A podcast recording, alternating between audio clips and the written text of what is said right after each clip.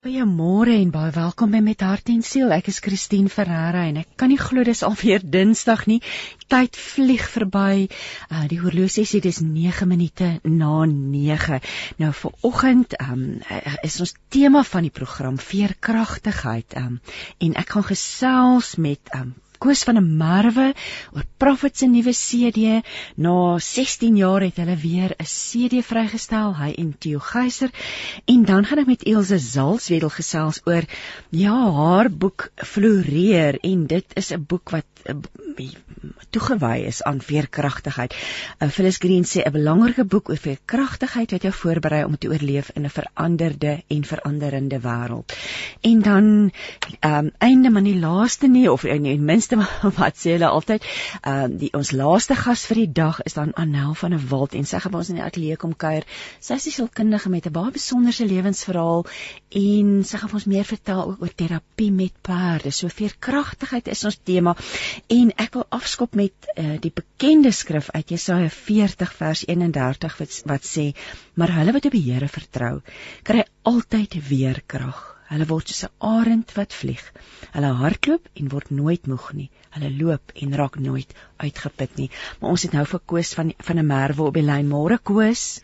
Môre Christine, hoe gaan dit? Dit gaan uitstekend met my en met jou.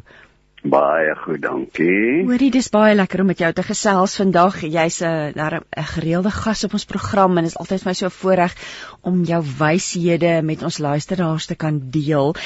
Koos 16 jaar later die kolonie 'n nuwe CD. Wat het vir jou en Theo laat besluit om weer musiek te maak? Ey, weet jy, Christine, ding gebeur mos maar net so. Jy weet, dis 'n onbeplande kind. Ehm, um, vir jare ek het jy nooit besluit ons wil nou nie meer musiek maak nie, maar dit jy weet, uh, ja. by stadium ons gevoel het dit dinge om te sê en amper byna protesmusiek te maak ook en wat natuurlik nie al musiek is wat ons gemaak het nie maar so maar dit het maar net so besig geraak met ons lewe en met ons gemeentes en kinders grootmaak. Maar uh, so elke jaar as ek het mos intussen uh, die Leonard Cohen album ja, uh, ja. uit uh, uitgebring en uh, Bob, Bob Dylan album en nog 'n ander solo album droom maar dat droom.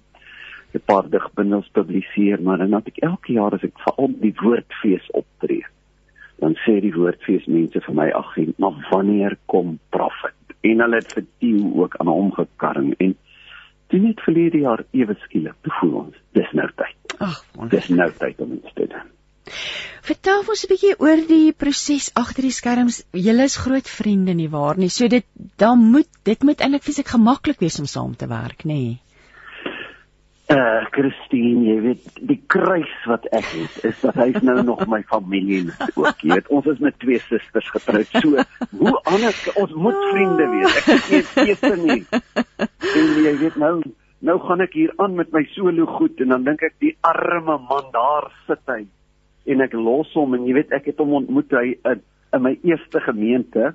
Uh 'n student was en ek was die jeugleraar en ek het gevoel o ek het 'n lewenslange missie om hierdie groot sondaar op die regte pad te kry en ek kry dit nou nog nie reg nie. En na 16 jaar dat hy nie met my saam sing nie het ek gevoel dat ek hom maar intrek. Dalk kan kan die liewe Heer my help om hom tog op die nou pad te kry. En dit lyk of jy darm sukses het nê nee, ons is so na Theo se lewenspad kyk. En o oh, dis so ek ek moet sê um, kom ons praat oor die album self. Ek wou nou iets gesê oor jou oulike tweeling kleinkinders. Ehm um, Ag ja, nou, ons kan te lank praat as ons oor Maya en Sofia moet praat. Ag, jene, daar's ons nou niks belangriker in die hele wêreld as daai twee goed. Nie. Oh, so die hierdie album was maar net so so op die kant klein gewees. Ja.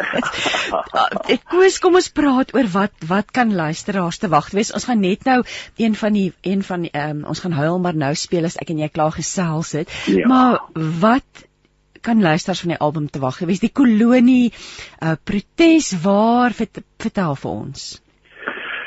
Uh Christine se dikwels met my en Theo se goed toe hy vir my nou sê koes die woordfees is op ons ons moet iets doen. Wat dink jy moet ons moet ons nie op daai oomblik toe val net hierdie woord in my gedagtes.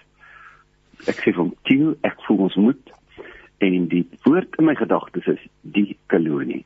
Ons moet praat oor die kolonie.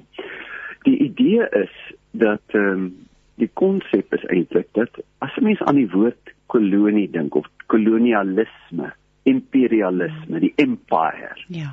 Dan dink mense meestal maar politiek, die geskiedenis van die ontwikkeling van sterker lande wat na uh, onbeskaafde lande toe gaan en dit wil ontwikkel maar in die proses uh, kry die plaaslike mense dalk seer of wat ook al daai geskiedenis daardie tendens is in elke mens om te gaan en te sê ek doen eintlik goed maar in as jy diep in jou hart kyk dan sien jy jy vat wat jy wil hê. Ja strewe na mag. almal eintlik ja. koloniale magte. Selfs in ons romanse ek wil by jou kry wat myne is. Ja. Uh selfs ons as gelowiges kan ons ek gaan kerk toe want ek is 'n verbruiker. Ek soek wat ek mm. wil hê. So die die die donkerte van die geskiedenis polities 'n sterk lande het gegaan en buiten die goeie dinge wat gebeur het in die lande wat hulle ontwikkel het is mense ook uitgebuit en verarm die myne is gevat en al die alles wat waardevol in daai land is is nou onder beheer van die groter magte en ons elkeen se binneste is uitverkoop aan daardie stuk selfsug en donker. Dit is maar eintlik die sondigheid van die mens. En die kolonie is nou maar net 'n woord wat op 'n besondere manier kan help dat ons nie net om ons kyk nie, maar ook na binne kyk en sê, "Ah, hoe is my lewe?" So dis alle en al die snitte op die album is splinter nie. Daar's 12 snitte. Um, almal splinter, ja. almal splinter nie. Ja, almal splinter nie. Uh, ek het al die lirieke geskryf en so vier van die 12 liedjies se musiek het ek ook self gedoen en die ander musiek het Theo gedoen.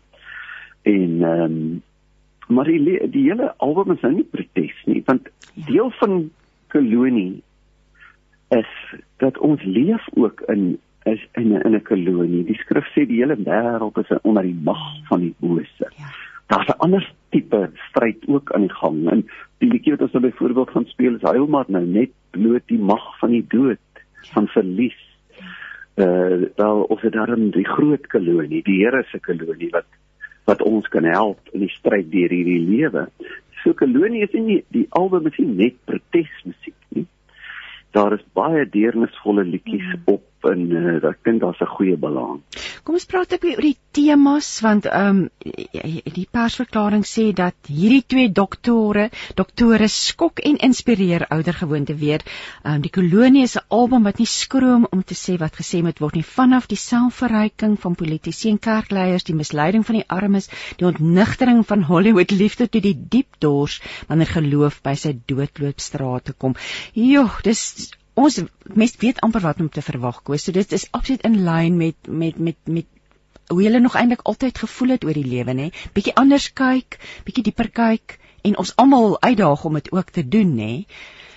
Ja, ek eh, ek hoop as mense hierna luister sal hulle nie dink dis twee mense wat hier ewe hoog heilig sit en die vingers rondom hulle wys nie, maar daai is ja. eintlik maar 'n album oor ons ons pad, ons almal se pad, ons eie gebrokenheid, maar ook ons hoop en ons geloof dat in 'n wêreld so stikkend soos die is ons tog besig met 'n ander kolonie, 'n groter kolonie.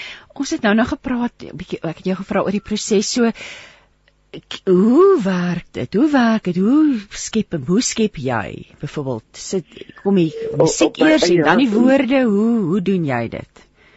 Uh meestal meestal 'n uh, ehm um, uh skryf ek 'n gedig en en probeer dan dink alreeds aan 'n liedjie vorm uh verse en refreine. Meestal werk ek so. Soms sal ek na musiek luister en 'n deentjie inspireer my en maak 'n ander deentjie los maar dit is gewoonlik die uitsondering. By my is woorde wat wil ons sê? Altyd eerste en dan Nou dat ons hierdie ding, die woorde lê hier en die struktuur van 'n liedjie lê klaar. Hoe gaan ons nou musiek hier bysit? Want die musiek is eintlik dan dit interpreteer die emosie wat die woorde van praat. En ons tog altyd as ek aan jou musiek dink, daar's altyd vir my 'n onderliggende soort van 'n nostalgiese ondertoon of 'n melankolies, dis eerder die woord, so melankoliese ondertoon. Jy kan maar nie daarvan ontsnap nie, nê. Nee. Ai, ai, ek sien maar jy weet ek het onthou met my studies in my in my doktorsgraad Ja. professor het my gesê koers jy moet dit embrace. Dis ook deel van my lewe. Ja.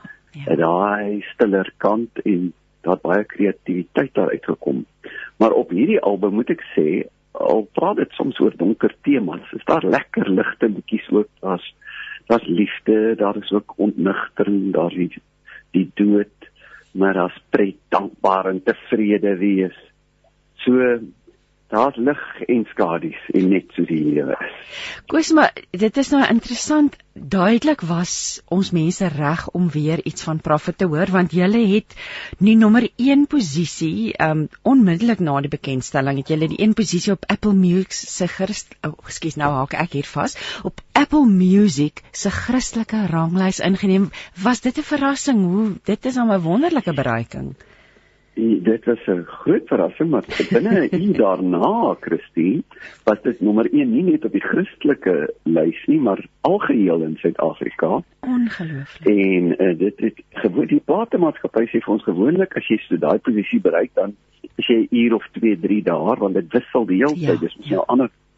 Maar vir 3 dae was hierdie album die heel grootste verkoper op iTunes, Christelik en sekulêr in Suid-Afrika. Wat wat Dis absoluut fantasties. Dit Ja. is absoluut fantasties, maar weer eens dit wys vir almal is so die mense van die woordfees was nie verkeerd geweest nie. Hulle het geweet. Ja, ja, ja. Koos, kom ons praat oor van die liedjies. Is daar van hulle wat vir jou uitstaan wat jou na in die hart lê?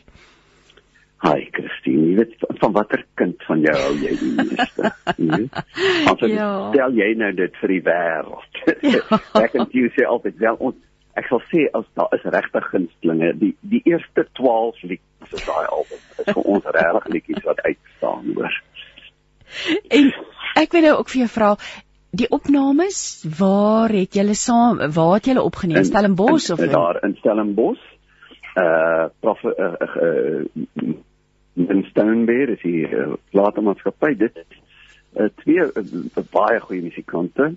Uh Helmut Meyer en Lukas de Beer, uh, uitstekende musikante en sangers wat al jare vir ons sê koos jy kom ons dis mm. ons passie ons voel profit kan nie stil word nie is eintlik op hulle aandrang uiteindelik dat die ding dat die dat wat ek het vir jou gesê sal weer optree maar dan moet ons 'n album maak. Dit help nou nie om al ons ou liedjies net maar net oor en oor te sing nie. En hierdie ouens het gekom en gesien ja hulle wil die profit laat herleef. En wat uh, maar as ek nou moet sê van die liedjies self daar's nie gunstelinge nie maar daar jy weet sommige liedjies praat Hmm. nader aan wat aan 'n mens se eie pad is en ander liedjies kyk jy na die lewe om jou. En as ek nou moet sê die ding- die liedjie wat aan my persoonlik die diepste vat is so is dit met my hart net wat jy nou genoem het van die meer melankoliese soms kom 'n mens in jou geloofslewe ook op 'n plek nie dat jy wel sekerlik twyfel is nie uh uitgesluit nie maar net bloot dat jy voel Here dis droog Ek vir al hierdie jaar, nê? Nee, vir al die Ja, afgelope en- jaar, ja. En daar in die COVID tyd het, het ek so 'n lied geskryf en getoon het en vir my persoonlik is dit die een liedjie wat en saam met 'n ander uh, liedjie uh uh, uh op die album wat nou net my ontgaan maar uh een ding vra ek is die ander liedjie. So daai plek van 'n geloof dat 'n mens diep hanker. Ja. Daai twee liedjies is baie baie naby aan my hart. Letty Kreur van Palleborwa het vir ons 'n boodskap gestuur. Sy sê goeiemôre Christine en Koos. Ja, ons moet net na die Here soek en gehoorsaam wees aan hom en hy sal ons wysheid gee in die lewe. Wysheid dink ek, kom ons praat 'n bietjie oor wysheid want daar's baie wysheid vervat in in hierdie lirieke. Um wysheid, Ja. jou gedagtes oor wysheid, goddelike wysheid. Eh die skrif se groot riglyn oor wysheid is wysheid begin met die vrees van die Here. So wysheid is die erken ek het daar's 'n groter wysheid is die wete ek weet nie om te soek en te sê Here ek vrees U. En Wysheid het nie net te doen met hoe slim is ek nie, dit het te doen met eh, 'n uh, lewensingesteldheid ek en God sy raad en sy leiding en sy krag ontsettend baie nodig. En is dis wonderlik om dit te hoor dat iemand anders dit sê dat 'n 'n prediker dit sê dat dit weet dat ons dit ons almal voel soms so nê dat ons nie eintlik weet wat ek kan doen nie.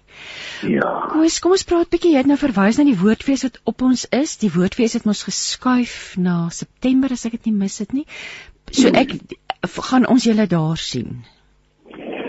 Jy weet alles is so onseker dat Ja. um, ek twyfel ek ek self wil ek so sê is dit nie of die woordfees sal plaasvind Ja. nie ons moet maar sien. Ja. O, uh, ons besin nou hoe sal ons maak met lewendige optredes moet ons maar 'n paar teaters boek en na die mense ons wil vreeslik graag optree die maar ek moet sê die kunstewêreld is nou Ja. uh, so omgekeer dat ek nie eintlik weet wat gaan gebeur nie Koos, maar dan is dit net die wonder van digitale um, kanale waar die musiek vrygestel en en beskikbaar kan wees. Um, Ja. ek sien julle het um, julle het ook 'n uh, Instagram blad, julle het 'n Facebook blad @profitmusiek. Um, die Instagram is @profit um, um, julle het ook 'n webwerf uh, profitmusiek.com. So kan luisteraars van die van die video's, is daar is daar Ja. musiekvideo's opgeneem vir hierdie vir die Ja, album? daar is musiekvideo's opgeneem en dit is ook op YouTube en daar sal nog kom en ek en Tio het uh, so, het so ons wil eintlik vir TV begin. Dat ons elke nou en dan so 'n dingetjie doen en praat. Dit klink Maar wonderlik. veel mense kan maar net Google dit sal hulle sal by ons uitkom. Ag Koos, verskriklik dankie vir jou tyd vanoggend. Ek wil nou hê ons moet lekker rustig kan luister na Huil maar nou en ek vermoed ons gaan moet kyk of ons so sit met my hart dalk 'n bietjie later in die program ook kan speel.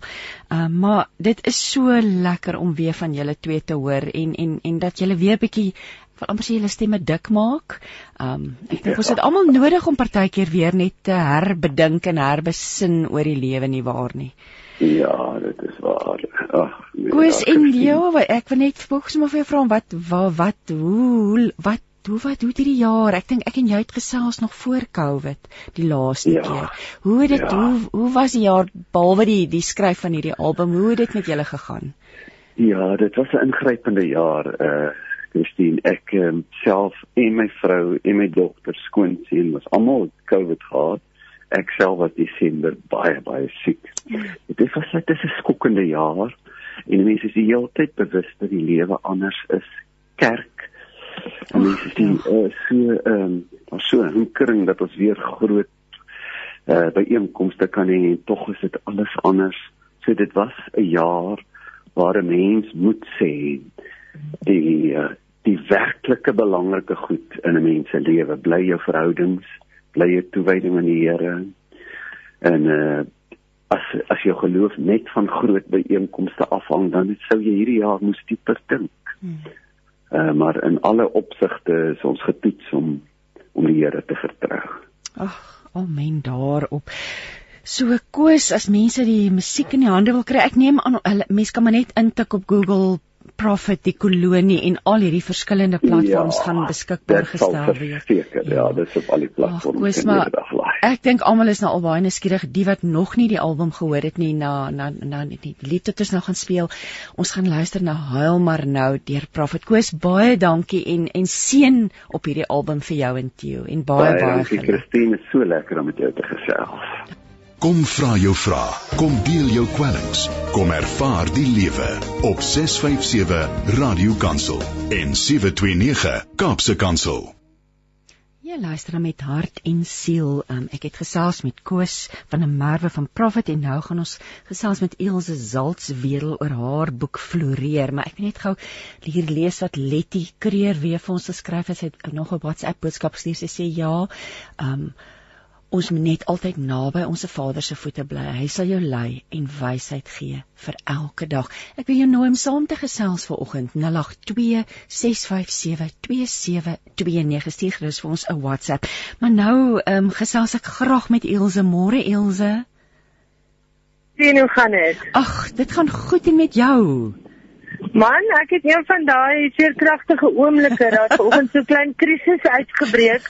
So ek gaan vir 5 minute bestuur terwyl ek met julle praat, daarna gaan ek aftrek en ehm um, dan so as julle verkeersgeluide hoor, dit is net ek wat gou my seun na 'n splinternuwe bestemming in die middestad van Johannesburg begelei want dit is ver oggend aangekondig hulle moet daar wees. Hulle het nog nooit in die middestad bestuur nie. Gelukkig. Maar ek is ek 3 minute weg van Stilou en my Ilse, veer, ons word uitgedaag nê nee, elke dag om veerkragtig te wees. Nou, dis my so toevallig dat jy ook nou vanoggend dit beleef.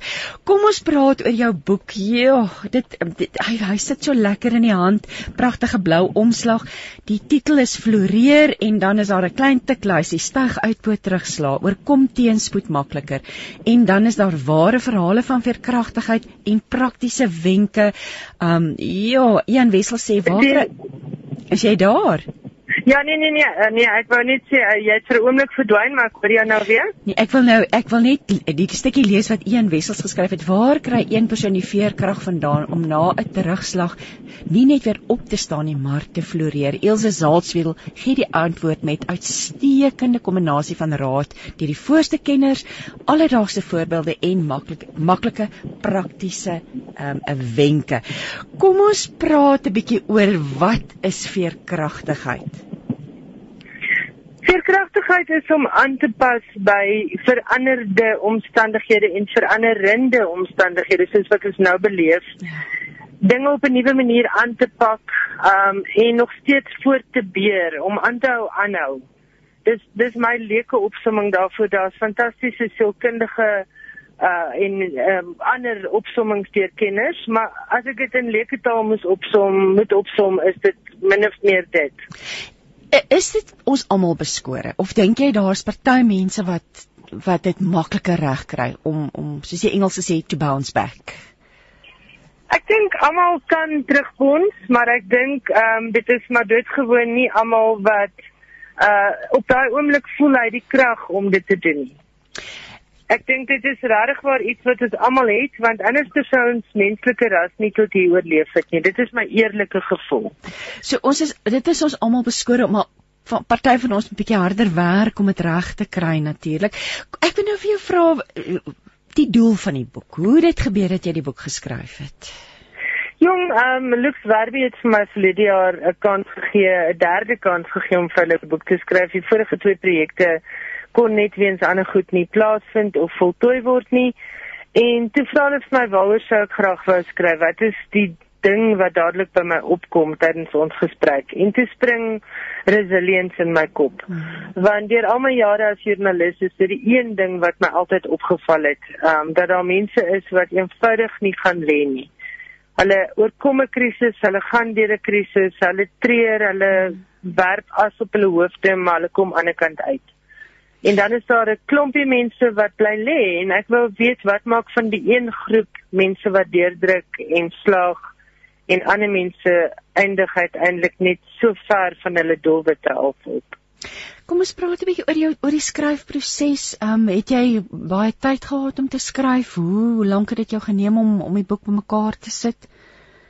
Uh ek het my werk by Rooi Rose verloor. Uh so ek het skielik baie meer tyd op hande gehad as ja, want Rooi Rose het Rooi Rose het gesluit. So dit dit dit presies 'n jaar gelede, presies 'n ja. jaar gelede. En um ek het nog ander vryskut werk, maar ek het ek het skryf ontsettend gemis. So teen die tyd wat ek besef het, miskien moet ek weer 'n boek skryf, dink ek dit was omtrent Julie en ek moes die eerste draft moes ek teen September ingee. Um So ek het uiteindelik teen Desember, eerste week in Desember, die laaste 40000, uh, laaste van die 40000 woorde ingegee. Skryf was moeilik en maklik want ek moes ook 'n stukkie van my eie storie vertel. Dis nooit maklik nie want ja. mense wil nie mense verveel nie.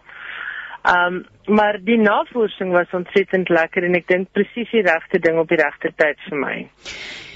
Dit is altyd baie interessant hoe die Here werk Elsje want die boek gaan juis ek bedoel jy moes jy moes deur 'n hele jou eie veerkragtigheid weer gaan herontdek. Ek bedoel jy jy het al 'n hele paar dinge in jou lewe gewerk en ek bedoel dit is so ongelooflik hoe die tydsberekening toe so gebeur het dat jy juis en dit is wat die boek vir my geloofwaardig maak dat jy ook skryf vanuit eie ervaring.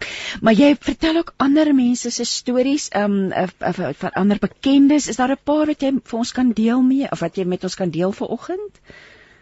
Jong ek dink al die uh, radiokansel luisteraars gaan Jolande Koltjie se storie ken. Ja. Um ek skryf oor hoe ek haar beleef het, uh wat ek uit haar boek geleer het.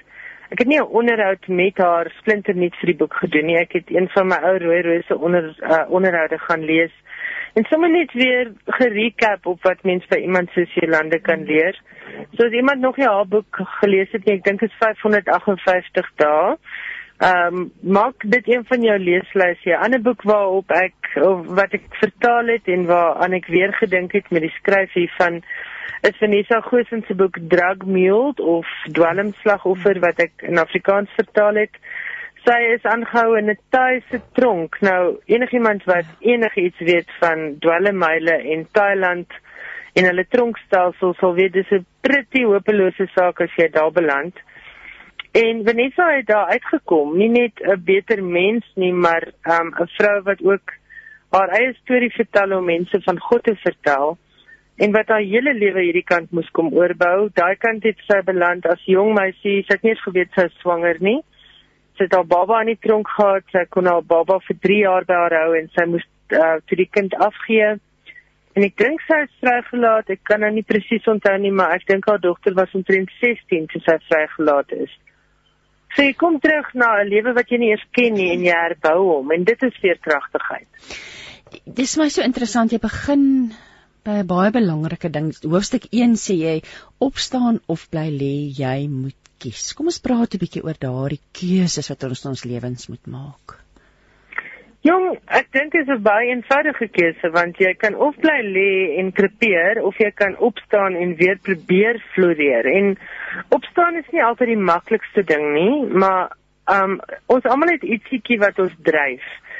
Jy dalk honde wat jy met kos gee. As jy vandag nie opstaan nie, gaan jy honde vrek van die honger of jy dalk iemand om te versorg of jy dalk 'n span kollegas wat op jou staat maak. En dit was daai klein klein dingetjie wat die vonk is dat wat maak dat jy daai dag opstaan. En en dis uiteindelik waar veerkragtigheid ook mag gaan. Dit is een voet voor die ander. Want in die tyd wat jy in 'n krisis is het jy nie eers die lus of die krag om aan te hou nie. Maar daai een ding gee vir jou die die vonk wat nodig is vir die volgende oomblik en dit gee vir jou die lig wat volg wat nodig is vir die volgende trekkie so Ek dink nie mense wat bly lê doen so omdat dit vir hulle lekker is nie. Ja. Ek dink daar's faktore soos depressie of absolute algehele moedeloosheid of uiterste verlies waarvan ons nie almal weet nie. Maar ek dink die ding is probeer ten minste opstaan. Jy jy praat jy beskryf ook ehm um, karaktereienskappe wat by veerkragtige mense waargeneem kan word. Dit is my baie interessant. Jy sê hulle kan die situasie, hulle situasie en ontleed identifiseer dit die probleem is. Wie daar vir ons nog van die ander noem van hierdie eienskappe waaroor veerkragtige mense beskik. Veerkragtige mense is uh, ook nie mense wat wag vir goedkeuring nie. Hulle wag ook nie vir aanmoediging nie. Want kyk as jy nou moet wag vir 'n cheerleader, dan gaan jy in ons lewe vandag bitter lank wag, want mense is besig met hulle eie dinge. Um veerkragtige mense is ook baie realisties. Ek sien dit rondom my nou met die COVID pandemie. Veerkragtige mense besef dis is dit. Die ja. enigste manier hierdeur is hierdeur. Ja. Ons kan nou skop en skree en op sosiale media te kere gaan oor hoe aanseer alles is en hoe korrup die regering is in die hantering daarvan en hoe dit Bill Gates ja. of die Chinese of wie ook al se skuld is. Dis alles ons het nou basies twee keuses. Gee oor aan fake news en misery of aanvaar die situasie en kom deur hom. Ehm um, nog 'n eienskap van veerkragtige mense is dat hulle meer empaties is. Hulle gaan nie net hulle eie nood beleef nie, hulle gaan ook die nood om hulle raak sien en probeer om daaraan iets te doen. Ehm um, hulle is mense wat ehm um, soos jy gesê het, hulle situasie realisties benader. It is what it is. Hulle kan dit opsom en analiseer. Hulle probeer 'n manier uit die die huidige situasie vind. En dit is uiteindelik die enigste manier om sin te maak van dit alles. Dis agter in die boek het ek nee, ekskuus, praat jy? Nee nee, ek dis wel interessant. Jy sê eh, die veerkragtige persoon leef met groter dankbaarheid. Ehm um, dis amper logies nie. Dis 'n baie belangrike ding. Dis 'n baie belangrike ding want jy moet besef dat jy nog steeds verskriklik baie het. Ehm um, jy het nooit werklik alles verloor nie. Ons as gelowiges glo ook dat ons nog altyd God um in ons hoekie het. Hy is miskien op daai oomblik vir ons 'n bietjie um soort van agter 'n gordyn. Ons kan hom nie duidelik sien nie, maar hy's daar. Um ons het 'n dakhoroskop, ons het kos op die tafel. Ons het uh kinders, ons het honde, ons het 'n hmm. tuin. Maak jou lysie want daar's altyd iets om voor dankbaar te wees. Dis ook vir interessant jy sê hulle doen eerder as om rond te sit en te kla. O, het jy hulle ook gesien tydens die ergste deel van die lockdown? Die wat heeldag op um, Facebook is en net kla en dan ja. die wat 'n sop kom bys begin of ja. wat ehm um, kaste regbak of wat brood bak. Ehm um, jou jou doen verskil van die volgende ou se doen. Maar ek vind dat die meeste veerkragtige mense wat ek ken en wat ek al in my lewe beleef het, wil ook graag ander mense help deur hulle doen. En hulle sit ook nie in wag vir 'n geleentheid om op te duik en aan die deur te klop nie. Hulle hulle skep hom of hulle gaan soek hom of hulle jaag hom na. So doeners is definitief geneig om meer en uh, veerkragtig te wees as klaars. Kom ons praat jy praat nou van die klaars, so uh, dit lei my net die volgende vraag toe, wat is die vyand? Vyande van veerkragtigheid en hoe moet ons waak teen hierdie vyande? Negativiteit is uiteraard een van die grootste ja. vyande, maar maar iets so stres is ook 'n groot vyand en dis nie noodwendig iets waaroor jy voel jy beheer het nie. Maar daar is 'n paar maniere en ek gee ook van daai stappe en raad in die boek hoe om stres te hanteer dat dit jou nie onderkry nie. Um leef in die oomblik is een manier, mindfulness met ander woorde. Ja. Um hou op om vandag al bekommerd te wees oor môre en moenie meer um sit en lang drade uitreik oor hmm. gister nie. Jy het net vandag. Vandag is in Engels uh, die die woord present is 'n mooi woord want dit is 'n geskenk jy het net eintlik vandag en nou weer met my vriend Ian Wessels se se dood op um, byna 60 61 pas 61 het ek net weer besef ons um, ons lewe so met bekommernis oor môre en ons werk so hard aan môre dat ons kon van vandag vergeet. So dit is een van die grootste vyande dink ek van veerkragtigheid is om te veel te worry oor goed waarna jy niks kan verander nie Ehm um, stres is 'n groot vyand, negatiewe mense is negatiewe Facebook algoritmes ja, ja. is 'n groot vyand. Ja. Want as jy die hele tyd in Facebook groepe is waar daar net negatiewe nuus is en net fake news en net 'n gekla, dan gaan dit wees wat jy in jou Facebook newsfeed kry en die lewe werk eintlik maar dieselfde. As jy jou omring met negatiewe mense, is jou algoritmes vir jou gestel. Jy gaan net negatiewe ervarings hê. So kies positiewe vriende, kies gelowige vriende. Uh lees boeke en uh luister TED Talks en radioprogramme en dinge wat jou inspireer. Luister geestelike musiek of mooi upbeat musiek eerder as donker dramas. So 'n klomp praktiese dinge wat 'n mens kan doen om te keer dat jy in die donker doldrums van negativiteit verval. Dis was my interessant om te sien jy het nou nou verwys na stres maar jy praat ook oor oor uitbranding. Jy dat dat dit dit ook eintlik 'n gevaar is dat dit jou teen die grond. Ek dink dit is baie moeilik om veerkragtig te wees as daar uitbranding is. Kom ons praat 'n bietjie oor oor oor stresvlakke en en oor uitbranding. Hoe weet 'n mens jy's besig om uit te brand? In die boek gee ek uh, het ek het ek 'n hele hoofstuk aan stres en uitbranding gewy, maar ek dink in kort as jy voel jy kan regtig nie meer verder nie en jy begin uiters negatiewe gedagtes kry en jy kan nie meer soggens opstaan nie en alles is te veel moeite en jy begin staat maak op goed soos kafeïen en suiker of nog gevaarliker wyn of drank hmm. dan moet jy weet jou uitbrandingspunt is baie naby. As jy sukkel om te slaap, as jy sukkel om op te staan of wanneer jy opstaan is jy moeg en jy is elke oggend van jou lewe moeg, maak nie saak hoe vroeg jy gaan slaap het nie. Dan moet jy weet hier's moeilikheid. En mens moet probeer om daai punte vermy want om daarvandaan af terug te kom is baie moeilik. Ek het uh so 3 jaar gelede 'n adrenal burn-out beleef en ek kan vir jou sê dis nie 'n grap nie mens moet verskriklik mooi na jouself kyk daarna om net hoegenaamd te herstel. En ek dink een van die maklikste dinge wat 'n mens kan doen is om net jou slaappatroon te fix. Ja. Sorg dat jy genoeg slaap, gaan slaap vroeg genoeg. Dit help nie jy gaan slaap 12 uur en jy staan 8 uur op nie. Jy kry die verkeerde 8 ure slaap. Want ons diepste en beste slaap vind plaas tussen 12 en 2 in die nag. So sorg dat jy so teen 10 uur aan die slaap is dat jy teen 12 uur in jou diep remslaap kan kom want dit is die tyd tussen 12 en 2 wat jou brein as dit ware gedetox word. Um interessant genoeg bly ons op ons oermens slaappatrone. Ons het ons lewe heeltemal aangepas en alles verander, maar ons ons liggame is nog steeds geprogrammeer um op daardie oerhorlosie. Wat beteken ons moet genoeg slaap op die regte tye. En probeer maar um probeer maar al die ander dinge reg doen, probeer reg eet, probeer bietjie oefening kry al loop jy net Maar dit is snaaks genoeg teenvoeters vir uitbranding al voel jy op daai stadium nie asof jy twee voete voor die ander kan sit nie. Dis vir my ek jy jy skop die hoofstuk af met 'n aanhaling van Lou Holtz wat sê dis nie die vrag wat jou breek nie, dis die manier waarop jy dit dra. Dit is baie wyse woorde. Um ek ek dis maar interessant. Ek gaan nou daai ses fases net kortliks ook hier noem. Jy sê dit begin by gedrewendheid dat 'n mens mal is oor uitdagings jy voel energiek en on, onkeerbaar jy's produktief en werk lang ure is interessant nee maar dan sê jy ook maar jy het nie tyd vir gereelde oefeninge jy het slegte eetgewoontes so dit begin daar dis waar hierdie uitbranding ja. se se vuurtjie aangesteek word Want onthou, ek het nou nog nie eintlik vreeslik baie lui mense gesien wat uitbrand nie.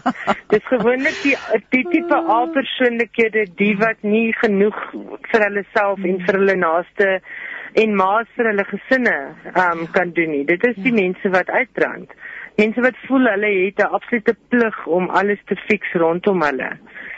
En dit is waarteen jy ook moet waak. Jy kan nie die hele wêreld se vrag vir hulle dra nie. Party mense moet hmm. Hulle eie pakkie dra. Jou kinders moet hulle eie foute maak behalwe as hulle op die laaste oomblik agterkom hulle is uh op in die middestad op kampus en nie op die ander kampus nie. Um maar die die punt is ons kan nie as maat alles vir ons kinders doen nie. Ons kan nie alles vir ons mans doen nie. Uh of vir jou baas doen nie. Want dan raak jou pakkie te swaar en dan raak die manier waarop jy alles moet hanteer vir jou te moeilik. Elsje, jy sê geloof plus hoop is gelyk aan meer veerkragtigheid. Kom ons praat hieroor. Dit dit is bewys deur baie sielkundiges dat geloof en en ek gaan nie uh, ons is Christene, ons praat hier op 'n Christelike radiostasie. Maar dit is bewys dat mense wat in iets buite hulle self glo, van enige geloofsgroep hanteer swaar kry baie baie beter. En ek wil glo dat mense soos Jolande Kokkie en Vanessa en almal wat vir ons gewys het hoe groot was God in hulle krisis, vir ons ekstra skiet goed gee um, om ons geloof uh tot 'n voordeel te gebruik, wil ek amper sê, in hierdie hele ding van survive. Want as jy aan God kan vashou en jy kan um, jy kan sit van jou hoop in iets buite jouself stel, dan is die pad net so veel makliker. Uh praktiese voorbeeld. Ek het nou woes geskryf van hierdie boek. Hy's nou uit in die wêreld. Daar was nou aanvanklik 'n verspreidingsprobleem omdat dinge laat van die drukkers afgekom het en so aan. Ek kan nie nou verder bekommer oor waar hierdie boek gaan land nie. Ek het dit mos nou geskryf en vir die Here gegee en ek hoop hy kan dit gebruik om mense te help om beter te voel en beter uitdagings aan te pak en dit al wat ek kan doen. Ja, dit is maar interessant. Jy sê ook hy daag mense ook uit en sê ken jy jouself? So selfkennis speel 'n groot rol. Kan 'n mens dan ja, wat wil jy hierdeur sê vir ons? Ek wil sê gebruik al daai negatiewe goed wat jou al getref het, daai uitdagings, daai verskriklike hartseer en trauma elke keer om iets van jouself te leer. Uh kyk ons almal dis baie duidelik dat daar iets is wat jy uit 'n situasie moet leer. Ek glo die lewe leer mense almekaar dieselfde lesse totdat jy die les geleer het. Die punt is wil jy die les leer? Wil jy leer dat um byvoorbeeld kom ons vat iemand wat homself elke keer oorwerk omdat hy of sy kollegas se werk aanvat en maar net altyd 'n gawe sannie is en toe stil bly daaroor. Wil jy nie nou maar daai les leer dat jy nie bedoel is om al hierdie goed te doen nie.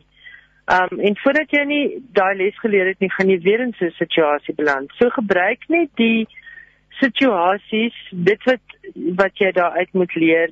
Um maak 'n mental note, skryf dit iewers neer en probeer daai foute in die toekoms vermy. Dan gaan jy ook meer veerkragtig wees. Kom ons praat oor ek hou van jou hoofstuk 16 wat sê om die seën in swaar kry te sien. Dis dis nie so maklik nie. Nee, maar die oomblik as jy dit begin doen, dit kom weer terug na daai dankbaarheid. Dit gaan alles oor oor relatiwiteit en oor perspektief. Uh, jy kry verskriklik swaar. Jy het nou net jou werk verloor. Maar jy het nog steeds 'n dak oor jou kop. Jy het nog steeds gesonde kinders. Ehm um, jy het nou weens jou uh, werk wat jy verloor het, dalk meer tyd om saam met jou kinders te spandeer. Verstaan jy wat ek bedoel? Ja. Daar is nie net swaar kry nie in daai in daai ehm um, verlies van my werk by Rooi Rose het ek ook weer die kans gekry om 'n nuwe boek aan te pak en hopelik 'n groter boodskap uit te dra. Um ek kon ook die hele winter op my rusbank sit en uh, twee skewe hekel kombersie hekel. Um met my honde by my voete in plaas van in die spitsverkeer van Johannesburg elke dag aan die rondjag. En aan die aanvanklik is dit dalk kunsmatig om daai seën te identifiseer en daai positiewe oomblikke Maar kan jy beloof as dit jou ingesteldheid word, dan gaan jy baie vinnig in elke slegte situasie daarom ook 'n ligpunt begin sien. Ek wil nou vir jou vra die proses van die boek skryf en en en wat het in you know iets met jou gebeur in die skryf van hierdie boek? Het jy nuwe goed geleer? Wat wat het wat het jy geleer self persoonlik uit die skryf van hierdie boek? Jong, ek het baie geleer. Ek het byvoorbeeld nie geweet dat al die goed wat ek al die jare nou maar so half instinktief gedoen het, name is of name het um en prosesse is nie. Um en daarvoor dink ek kan 'n mens byvoorbeeld jou ouers bedank wat jou wat jou daai dinge geleer het sonder om vir jou te leer hoe belangrike deel van oorlewing dit eintlik is. Maar ek het ook geleer dat daar ontsettend baie um mense in die wêreld is wat veerkragtigheid beoefen wat dit as 'n werkwoord deel van hulle lewe gemaak het en dat daar 'n hele wetenskap rondom dit is en dat sielkundige sekere stappe aanbeveel sodat baie meer mense dit kan leer. Dit wat jy nog altyd maar net gedoen het en aan die ander kant uitgekom het en op jou voete geland het, kan jy actually 'n bietjie verfyn aanleer vir jou kinders aanleer en dit was my lekker om daai um dinge te ontdek en neer te skryf en ek hoop regtig hierdie boek help mense. Ek hoop regtig hierdie boek help ons land ook om meer veerkragtig te wees sodat ons nie net vir onsself leef nie, maar die groter prentjie kan sien en kan help om Suid-Afrika ook te laat floreer. Ons het die tydsberekening van hierdie boek is natuurlik baie baie gepas. Ons is deur ons is sal meer as 'n jaar van van van van die pandemie en daar's 'n hoofstuk wat jy praat oor aanvaar jou nuwe werklikheid. Dis nie so maklik nie, nê? Nee. Nee, maar wat se keuse het ons? Ja. Ons het eintlik nie 'n keuse nie en ja. en ons moet van hierdie nuwe werklikheid die beste maak. Soos ek net al gesê het, jy kan nou in jou in jou kringetjie sit en in jou hoekie sit en saanik en op Facebook elke dag net negativiteit hmm. spuw of jy kan besef dis nou dit, hoe gaan ek die heel beste maak hiervan? Ek gaan my huis knus maak, ek gaan my tuin mooi maak want ek spandeer nou soveel meer tyd daar. Ek gaan my omring met positiewe vriende. Uh dit gaan nie die situasie verander nie. Dit gaan nie die realiteit verander nie, maar dit gaan die realiteit vir jou makliker maak om mee te deel. En ons moet ook onthou, die ander ding van van die lewe is dat die enigste konstante is verandering. So hierdie tyd, hierdie negativiteit, hierdie realiteit van nou gaan weer oor die jaar heeltemal anders lyk. Ja. En hopelik lyk hy baie beter want hopelik het ons 'n les of twee geleer uit COVID en die pandemie en lockdown en alles wat daarmee saamgaan. So die realiteit is is wat jy vandag beleef en dit gaan nie eers môre noodwendig dieselfde wees nie. Hmm, die lewe is onseker, nê? Nee? Die enigste sekerheid is vir ons as gelowiges dat ons aan God kan vashou en dat ons weet hy hou die toekoms in sy hand. Laaste gedagtes van jou kant af Elsje, waar eh, van voor dit wil ek net hoor waar kan mense die boek in die hande kry? Ek neem aan reg boekwinkels reg oor die land aanlyn by Lux Werby. Uh ja, ek wil ook vir mense vra asseblief as hy nie in jou plaaslike boekwinkel is nie en dit geld nie net vir my boek nie, dit geld vir alle ja. Afrikaanse boeke vra vir die persoon agter die toonbank om hom vir jou te bestel asseblief. Want as jy gaan vra dat hy bestel moet word nie, dan lê hy dalk iewers daar in 'n hoekie in die boekwinkel waar iemand hom verkeerd neergesit het. So bestel dit by jou plaaslike boekwinkel, Graffiti Boeke in Pretoria. Ek dink almal ken al Graffiti. Hulle het 'n diens, hulle pos landwyd. Um Uppercase Books in Pretoria Pos landwyd. Ek weet hy's op op plekke soos Loot en Takealot is hy ook te koop.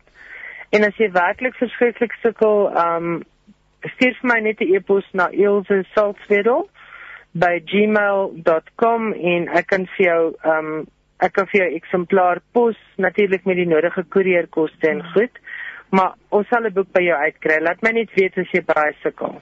Ek wil net herhaal vir ons luisteraars, um, ek gesels met Elsje Zaltswedel of ek het nou met Elsje Zaltswedel gesels. Die boek se naam is Floreer. Um, en dit is 'n boek gewy aan veerkragtigheid en hoe ons weer kan opstaan al het die lewe ons asem uitgeslaan. Elsje, baie dankie vir jou tyd. Ek hoop jy is op 'n veilige plek nou ja die, die stad Ek is dood veilig.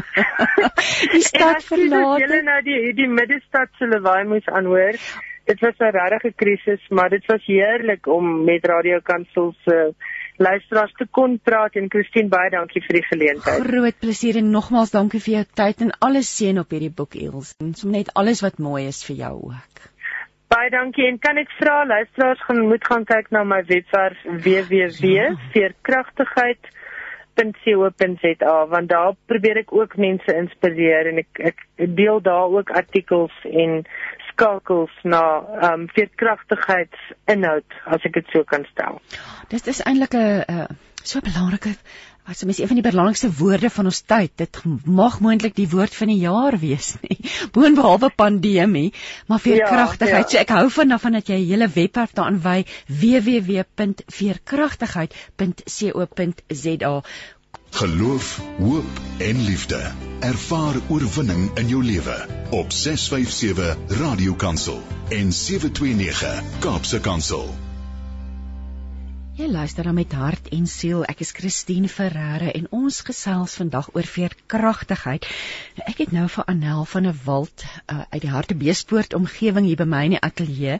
Um Anel is 'n sielkundige van beroep um en haar lewe Oor sy sy nou man besit ook Nehema Manor, 'n uh, Bosveld gaste plaas as ek dit so kan noem. Um, maar Anna se lewe het op baie interessante paaie geloop en sy is 'n toonbeeld van veerkragtigheid. Anna, baie welkom hier by my in die ateljee volgens. Dankie Christine, ek sê vir jou baie dankie vir die voorreg en dis my regtig ek's nederig dankbaar vir die voorreg om 'n geleentheid te hê om dalk ons lewensstorie te deel met julle vandag en hopelik daardeur Jesus se hande en voete te wees in iemand anders se lewe aan te raak oor dit wat ons al beleef het. So dankie vir die geleentheid. Ag, dis net 'n plesier. Kom ons gaan terug na veerkragtigheid. Wil jy self as sielkundige so dis iets wat jy daagliks mee te doen het, mense wat die lewe of plat slaan of wat die moed het om weer op te staan. Wat sê jy oor veerkragtigheid? Jo, Christine, veerkragtigheid, ehm um, ja, tipies as my sielkundige is, dink jy teoreties wat is veerkragtigheid? maar die dag as jy jou handboek neersit en hom prakties in jou lewe moet uitleef, dan is dit 'n ander storie. En en as mense het jy die veerkragtigheid of die eienskappe hier in jou, maar jy besef nie altyd jy het nie, maar as Christene glo ek dit ook ons veerkragtigheid is baie gegrond in God. Hmm. Ehm um, as ek in my eie lewe dink, veerkragtigheid is nie 'n woord waarmee ek myself sou beskryf het 'n paar jaar terug nie. Weet jy, dit is dis amper dit het nou 'n modewoord geword. Ons het nooit eintlik so daaraan gedink nie, nê? Nee. nee, glad nie. Ja, is 'n nuwe buzzwoord as jy dit nou so ja. lekker in Engels kan sê. Ja. Ehm um, ja, dit is ehm um, en dit is eintlik 'n wonderlike ehm um, buzzwoord wat deel van ons gemeenskap mm. geword het want meer mense moet besef hulle daai innerlike krag en van waar daai innerlike krag vandaan kom en dat ons die deel van ons het want dit bou ek jou selfbeeld, dit bou jou karakter om elke dag op te staan en aan te gaan. Ehm um, soos jy noem ons lewe het al 'n paar draaie gevat. Ehm um, daar was die wonderlike tye wat dit gevoel het jy jy's op 'n skaatsplank en jy gly net en dit is wonderlik. Maar ons het ook tye waar daar glas en dubbeltjies op jou pad gegooi word wat jou veerkragtigheid getoets word en dit was en jy's in die tye in my lewe wat ek regtig eintlik besef het wat 'n innerlike krag ek in my het toe die lewe in die dubbeltjies roggel rof was. Want weet jy die Here beloof ons die krag van die Heilige Gees, die opstandingskrag van Jesus is in ons. So Precies. vir ons as gelowiges, um Ilse skryf in 'n boek geloof plus hoop is gelyk aan veerkragtigheid. So daai dis ons dis eintlik die bron van ons seker van dit alles. En dis wat ek ook vir jou wil sê wat ja. ek ook besef het in die tyd my veerkragtigheid is vas vas vas geanker in God. Hmm. Ehm um, ek dink aan twee goeters nou. Die eerste een is Filippense 4:13. Ek tot alles in staat deur hom wat my krag gee. En dis wat dit is. Daar is net ons kan dit deur hom doen. En my man Martin het altyd so mooi ding wat hy sê, hy sê as alles van ons af weggeneem word, bly net geloof en hoop oor. Hmm. En dit is vir my die basis van veerkragtigheid. Om geloof in God te hê en daai hoop van dit gaan beter raak. Hmm. Ek het 'n paar jaar terug het ek skool gehou in Johannesburg by Sikolo Sabarogo, 'n fantastiese skool vir kinders van Diepsloot, Alexandra en Soweto wat op beurse kom studeer het. En daar was 'n matriekseun in daai jaar live en hy het vir my gesê, "You know ma'am, every problem has expiry date." Mm. En dit was dit bly my al soveel jare by. En dis ook om te onthou in daai tyd tot daai vervaldatum gaan intree, moet ek onthou, maar God is by my en hy gee my daai krag. En ek dink saam met veerkragtigheid, die krag is ook in jou, maar ek dink dit is ook die voorbeeld wat jy sien in jou lewe en die mense wat saam met jou die pad stap. Want as ek dink daaraan aan veerkragtigheid en die voorbeeld wat ek in my lewe kyk, dink ek aan 'n generasie vrouens waarmee ek geseënd was. My ouma plots my ma se moedertjie was 'n vrou van veerkragtigheid. Sy was in die kinderhuis gewees, maar sy het altyd daarvan die mooiste ervaring gemaak en sy het opgestaan en nog geloof in God gehad my eie ma en my sussie spreek van veerkragtigheid. Wanneer die lewe jou soms gooi en daai dubbeltjies op jou pad sit en jou regtig ten gronde is hulle die twee vrouens ook wat vir my die voorbeeld gee van opstaan en aangaan en my ma sal altyd die positiewe gaan soek. So sy gee jou kans om bietjie te mope as jy dit so kan noem, maar dan staan jy op en jy praat om deur en jy gaan soek jou krag by God en jy gaan aan. En En baie keer dink jy, waar kom my krag vandaan? Waar kom my opstand vandaan? En dit is uit en uit net God. Hmm. En daai wat Martin sê is alles van jou weggeneem word, bly geloof en hoop net oor. En dan weet jy eintlik jy maak net op God staat en ek dink dis wat God van ons as sy kinders wil hê. Jy moet net op hom staat maak in elke liewe ding wat jy in jou lewe doen.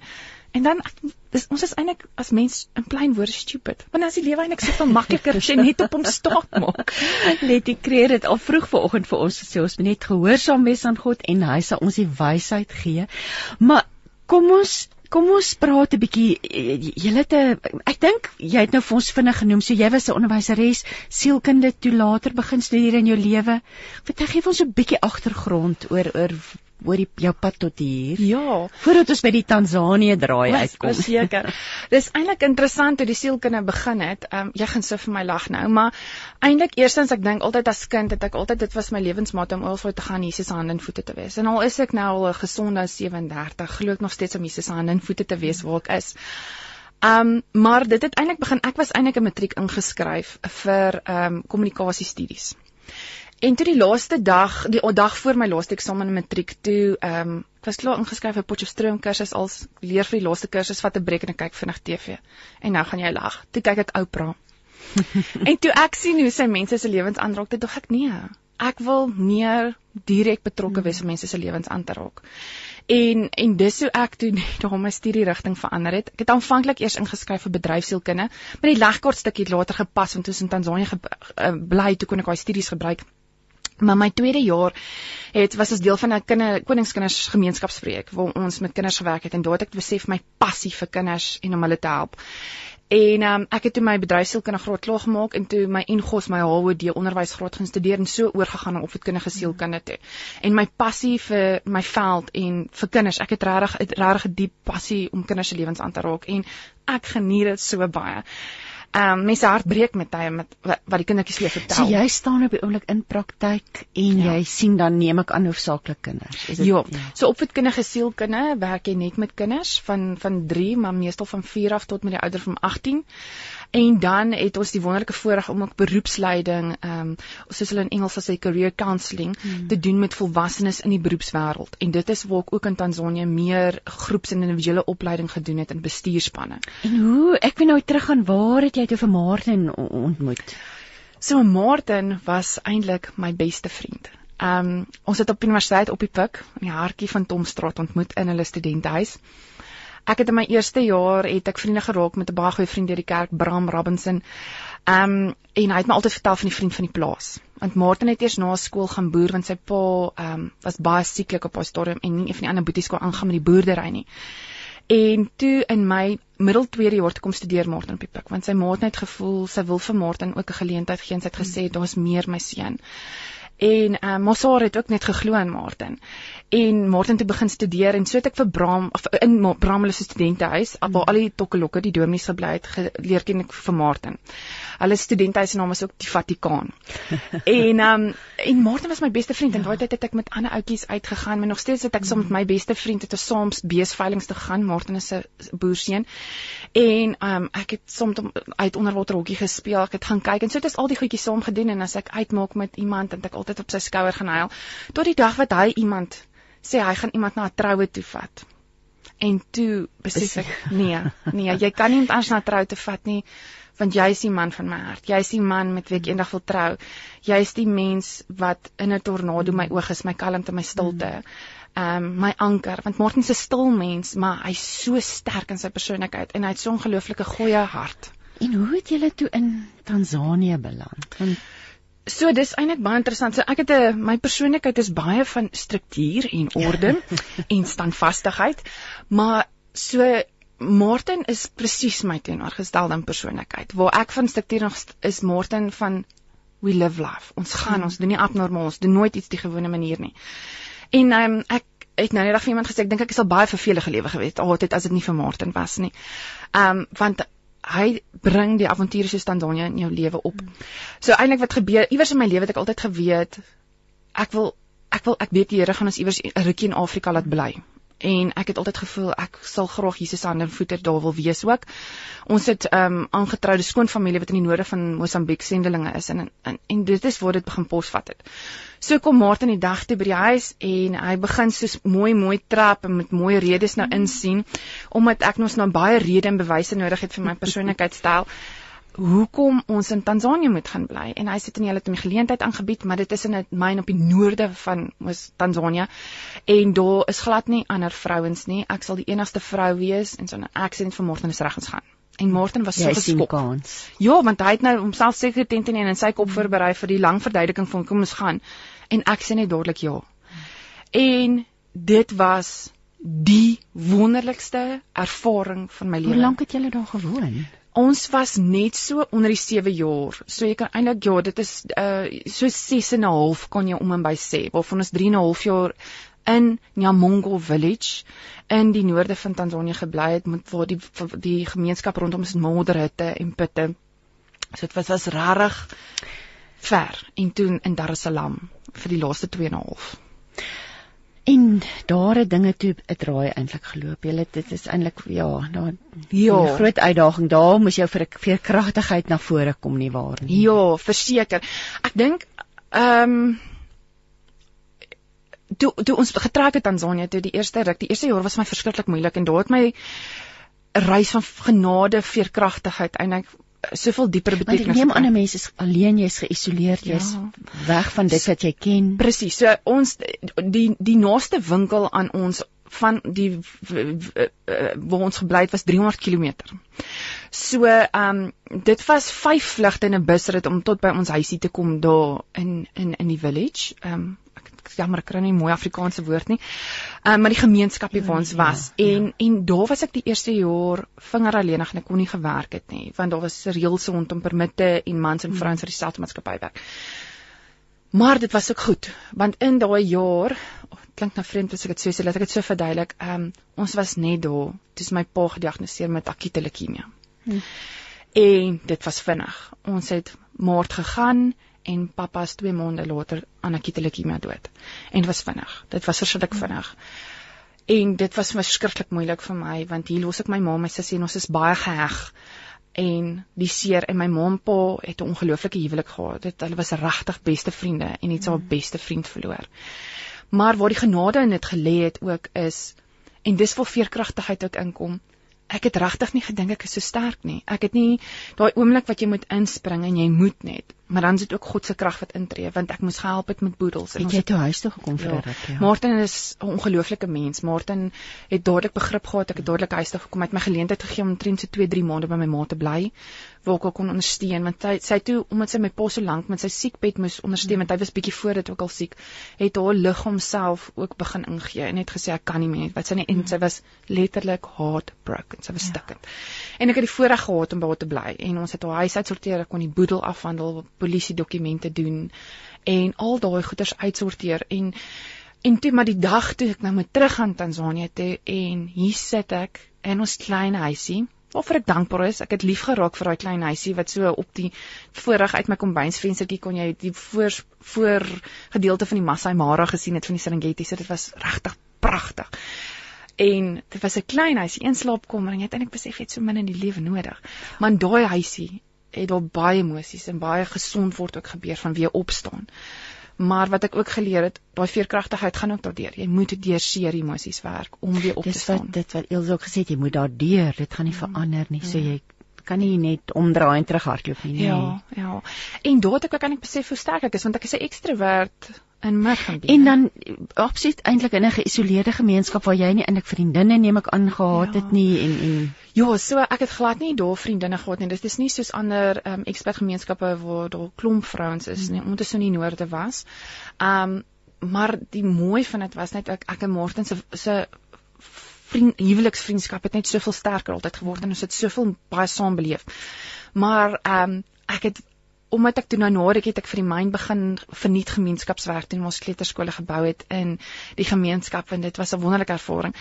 En toe het ek ehm um, verder studies in beroepsleiding gaan doen waar ek toe nou met die die werknemers van die myn kon begin werk het. Mm. En daar het ek die wonderlikste Tansaniese vriendinne van my lewe gemaak. Um, ek en Wiekie is nou nog vriendinne. Ek het sommer troue help reël daar in Mosia aan die voet van Kilimanjaro. En dit was die wonderlikste ervaring. Sal nooit vergeet nie een jaar het hulle met Morten gereël en hulle het vir ons uh, vir my 'n verrassingspartytjie gehou by my huis. Mm. Ek en sewe Tansaniese vriendinne. En dit was so dit het my hart aangeraak en ek sal vir ewig onthou. En was so ervaring en en al die hele is mens wees eintlik verander, ja, nê. Ja. En wat die voordeel ook was is ek het hulle weer beter leer ken en ehm um, hulle menswees en hulle karakters en hulle kulture en wat die ander groot voordeel ook was ek spring nou 'n bietjie maar die groot voordeel was omdat ek ook individuele en, en groepsopleiding f- spanopleiding gedoen het vir die myne het ek die werknemers op 'n baie dieper vlak leer ken. Mm. So jy vorm 'n baie dieper band met hulle want jy begin hulle karakter, hulle menswees mm. leer ken en hulle waardeer dit so as jy met hulle kommunikeer volgens hulle persoonlikheidstyl en hulle hart verstaan. So ek dag toe ek wegtrek op die myn en Dar es Salaam toe trek was dit ek was ons het so gehuil. Ek het klip klip hard gehuil. Ehm um, toe is die dag daar wegtrek. Ehm um, maar dit was so nog steeds spesiaal want mense het daai vriende in jou hart, daai Afrika broers en susters. Mm. Ja. En toe is jy Dar es Salaam. Ja. Dit is seker 'n groot aanpassing, maar dis 'n stad. Ja, dit was 'n stad. Ehm um, ek dink die, die op die myn het ons baie basiese behoeftes gehad. Verstaan jy het 'n groentetuin gehad en dan sny maar soms net al die wurms uit jou murpampoentjie uit want jy is so dankbaar ons 'n bietjie murpampoentjies. Ehm um, en hier en daar is 'n lam is daar winkels en jy kan in 'n supermark instap en jy kan gaan koop en jy dink net dit reën manna, nê? Nee? Ek sal nooit vergeet die eerste dag ehm um, wat ons in die winkel ingestap het in Dar es Salaam want op die myn is jy maar jy's baie dis maar groentetuin en en die jy het kos gekry by die gemeenskap wat jy gaan ingekoop het en so. En maar baie keer het jy maar nou jou hand in 'n houer ingedruk en as jou vingers tussen die tamaties wat vrot is al uit en dan soek jy maar dit wat jy wil hê. Um toe ons in Dar es Salaam die eerste dag instap, toe gaan ek en Martin gou winkel toe.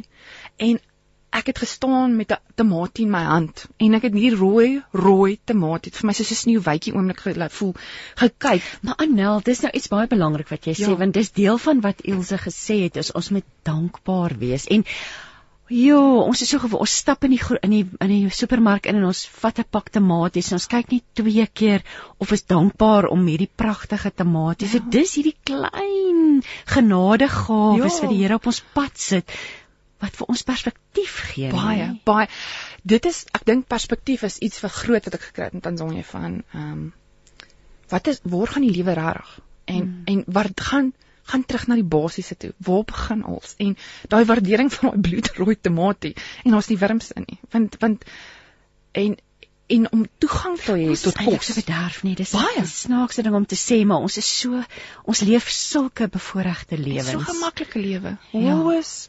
Ja. Ek moet sê ek mis dit soms nog Ja. om langs die pad my groente en vrugte te gaan koop wel. Ek mis dit baie. en baie. ja, en organies en Presies. En- En so vars. So Tanzanië, Dar es Salaam, hoe lank was julle toe daar Ons was? 2 en 'n half jaar in Dar es Salaam. Um wat fantasties ook was in die sin is langs die see. Hmm. Dit was wel ongelooflik warm want dit is by die ewenaar. Um maar dit was wonderlik. Martin Duik, um ek daai is nou nie my my sterkpunt nie, maar ding nie. nee, glad nie. Maar ek en hy geniet dit baie om saam te snorkel en dit was 'n wonderlike geleentheid van baie snorkel. En um ook die houtboot op 'n Saterdagoggend te vat na 'n klein eilandjie toe om te gaan snorkel. Wat dit is ongelooflike voorregte. En daarom so na die natuur te kon geleef het. Dit was dit was ons het albei ons huis in Dar es Salaam, dis die voorreg gehad om vol see uitsig daar en dit was net dit bring soveel stilte en rustigheid in jou in. Um so Dar es Salaam self was 'n wonderlike ervaring. Daar het my rigting verander. Daar was ek gelukkig om in 'n kliniek te werk as opvoedkundige sielkundige met kinders baie meer um expatriate eh, kindertjies van reg oor die wêreld. So dit het nogal regtig jou visie verbreed in terme van jy moet verskillende hoetjies in terme van kultuur en geloof aansit as jou kliënt voor jou kom sit. Um dit was wonderlike ervarings. Ek het dit verskriklik geniet, maar ek was baie gelukkig in my kli- kliniek. En ook wat 'n wonderlike ervaring was is ook um die vriendinne wat ek weer daar gevorm het. Dit was so interessant. Dis vriendinne van Suid-Afrika wat ek daar leer ken het. En die een vriendin, sy sussie was eintlik saam met my op skool. En nooit het ons paadjies gekruis en hier word ek en sy naam Manne Martin hartsdiep vriende. En die ander vriendinne wat ek dalk gemaak het deur Bybelstudie en dit was net dis vriende dit is 'n ander vlak van vriendskap en ek waardeer daai mense so veral toe dinge in Dar es Salaam moeilik geraak het vir ons. Want daar het 'n keerpunt, daar het 'n draaipunt gekom. Ja, ehm ja, ek ehm so Martin se maatskappy ehm en die regering het 'n dispuut oor belasting gehad. En dit was 'n baie moeilike tydperk en dit het vir 'n jaar lank opgebou. En toe presies 'n jaar nadat die dispuut begin het, het die ehm um, regering uh, vervalste korrupsie sake opgemaak oor die maatskappy se werknemers wat sê hulle is deel van korrupsie. Ehm um, om nou die dispuut teen te staan. En ehm um, ongelukkig was Martin een van die wat hulle geteken het want hy was in 'n hoër bestuurspos. En met dit wat gevolg was dat ehm um, Martin was 'n uh, aand in polisie aanhouding en toe 3 dae in die tronk geplaas, totaal en al onskuldig. Ehm um, wat hy daar was en hy was in die noorde waar ons gebly het, was hy in die tronk, so dit was ehm um, hulle was 40 Het mense. hulle gekom en hom net onverwags gearresteer. So hulle die eerste hulle het eers om die Vrydag begin um, ondervra oor 'n cheque. 'n eenvoudige cheque wat net klein kas geld gegee en het. hierdie was alles vervalste beskuldigings. Alles, alles vir valse beskuldiging. Want eintlik die kwitansies van die cheque was uit en uit net vir kos en skryfbehoefte aankope wat alsmaar bo die grond was. Maar dit was omdat daar 'n dieper Ja. ehm um, 'n scenario, daar was 'n ander scenario. Ja, die president ja. wou die maatskappy laat slag lyk dat hy kon wen. Mm. En hulle het hom eers ondervraag en toe die maand toe het hulle hom laat gaan en toe die maandag toe vlieg hy na die myn toe ons gebly het vir vir besoeke en toe vra hulle wil hom weer spreek. En toe hy so aankom by ehm um, die korrupsie eenheid in die klein dorpie Tarimi, toe neem hulle hom. Toe sê hulle nie hulle hou hom nou in aanhouding.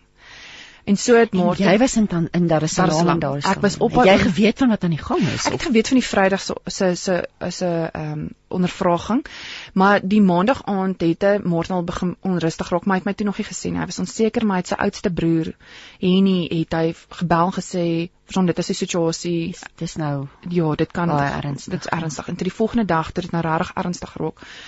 En dis een van die hartsbroers van Martin Dismus Msaki en hy was soms by my en Dismus het Martin ongelooflik baie bygestaan in dit. En Martin bel my toe van Dismus se foon af uh, vinnig en hy sê toe vir my nou, dis die situasie, ek gaan nou in aanhouding, maar gaan dadelik kanselleer al jou afsprake. Ek het met Fransjo aan Vrydag gereël, gaan bly by hulle. Hmm. En dan sal ek verder van daar af met jou praat. En daai gesin het my so omvou en so beskerm mm. en ons ander vriendinne het gekom en by ons gestaan. Toe die volgende dag toe het hulle Martin ehm um, na die hof toe gevat en hulle die blootgelê en gesê maar dit is die situasie en hy's onskuldig. Toe sê die aanklagte ja, maar hulle is nie seker oor sy paspoort nie. Hulle moet eers seker maak sy paspoort is. So dis ongelukkig hoe Afrika werk want baie keer die regstelsel is ongelukkig nie onafhanklik van die politieke stelsel nie in van die Afrika lande. En toe het hulle gesê nee, hulle gaan dit eers vrywaar en hy moet tronk toe gaan vir 3 dae terwyl hulle seker maak die paspoort is korrek. Mm. En ehm um, ja, en dit was dit om eerlik te wees, daai oomblik het my hart in 10000 stukkies gebreek. Dit was vir my so onregverdig want Morten is die man van ware beginsels, 'n sterk persoonlikheid en ek kon nie glo hy van alle mense wat hardwerkend is en so goeie goeie goeie hart het, hoekom hy hierdeur moes gaan nie. En um en ek neem aan jy het sonder ophou gebid.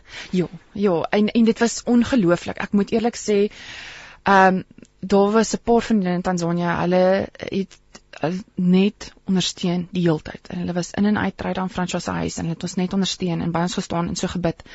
Maar hier van Suid-Afrika se kant af was dit die gesinne, ons Martin se gesin en my gesin, die geloof en dit was ongelooflik hoe ons gedra het. So, is hy en is hy toe gearresteer en is toe in die tronk ja, geplaas? Ja, ja, hy was toe in die tronk vir 'n paar dae en hy kon toe die Vrydag uitkom toe hulle nou sê want ek en ek moes in Dar es Salaam vinnig na die uh, Suid-Afrikaanse ambassade toe ry om sy paspoort te verifieer ja. en toe het hulle die dokumente opgevlieg uh, Tarini toe of eintlik hulle het gevlieg tot Mwanza. Dit het hulle 4 ure rit vat ry om die papiere by die hof te kry. Toe kon hy uitkom.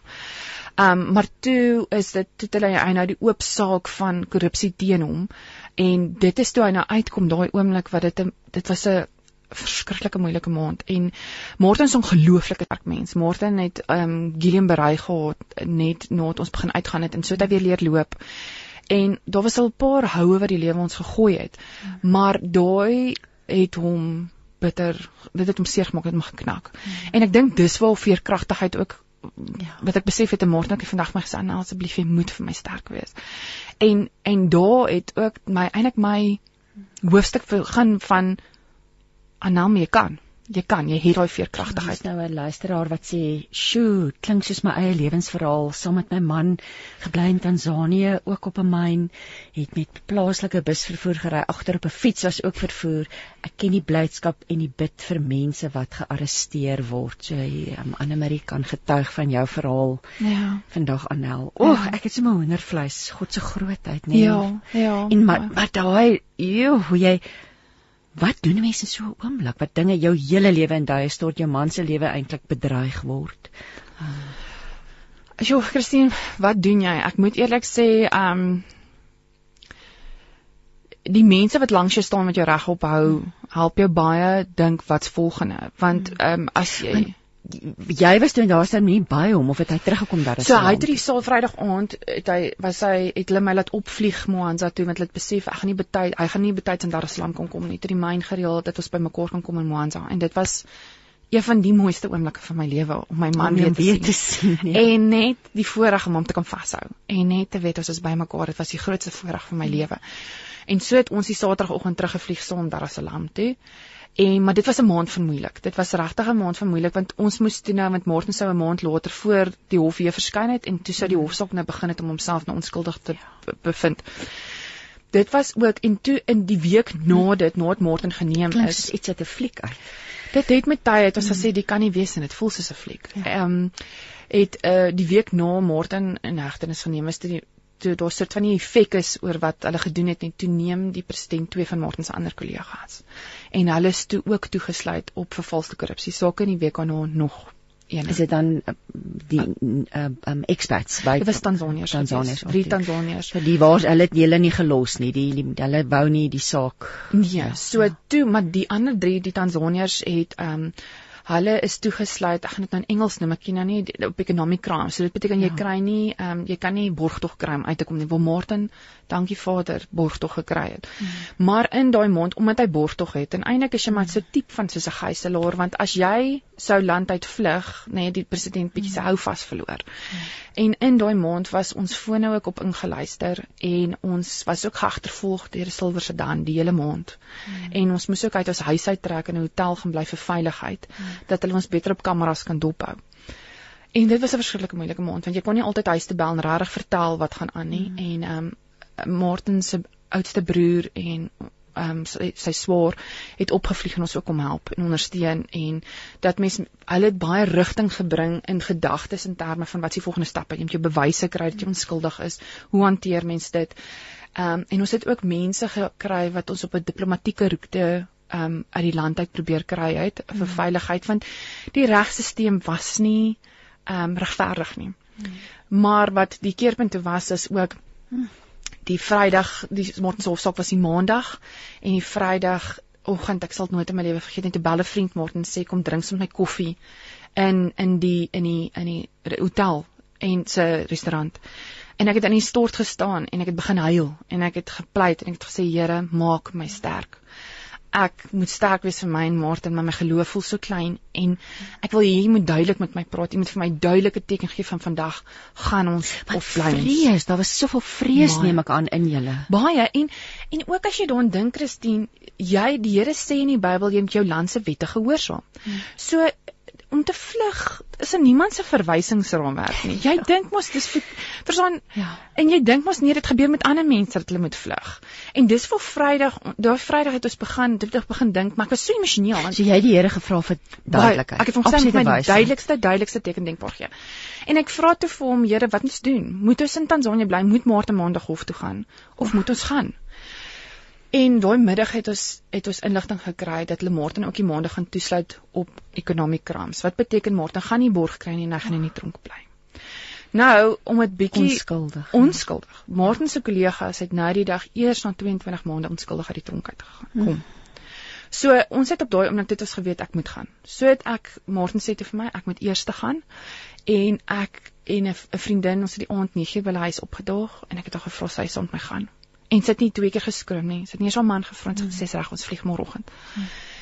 Maar nou draai jy om en jy gaan huis toe en jy moet jou tas pak. En wat pak jy?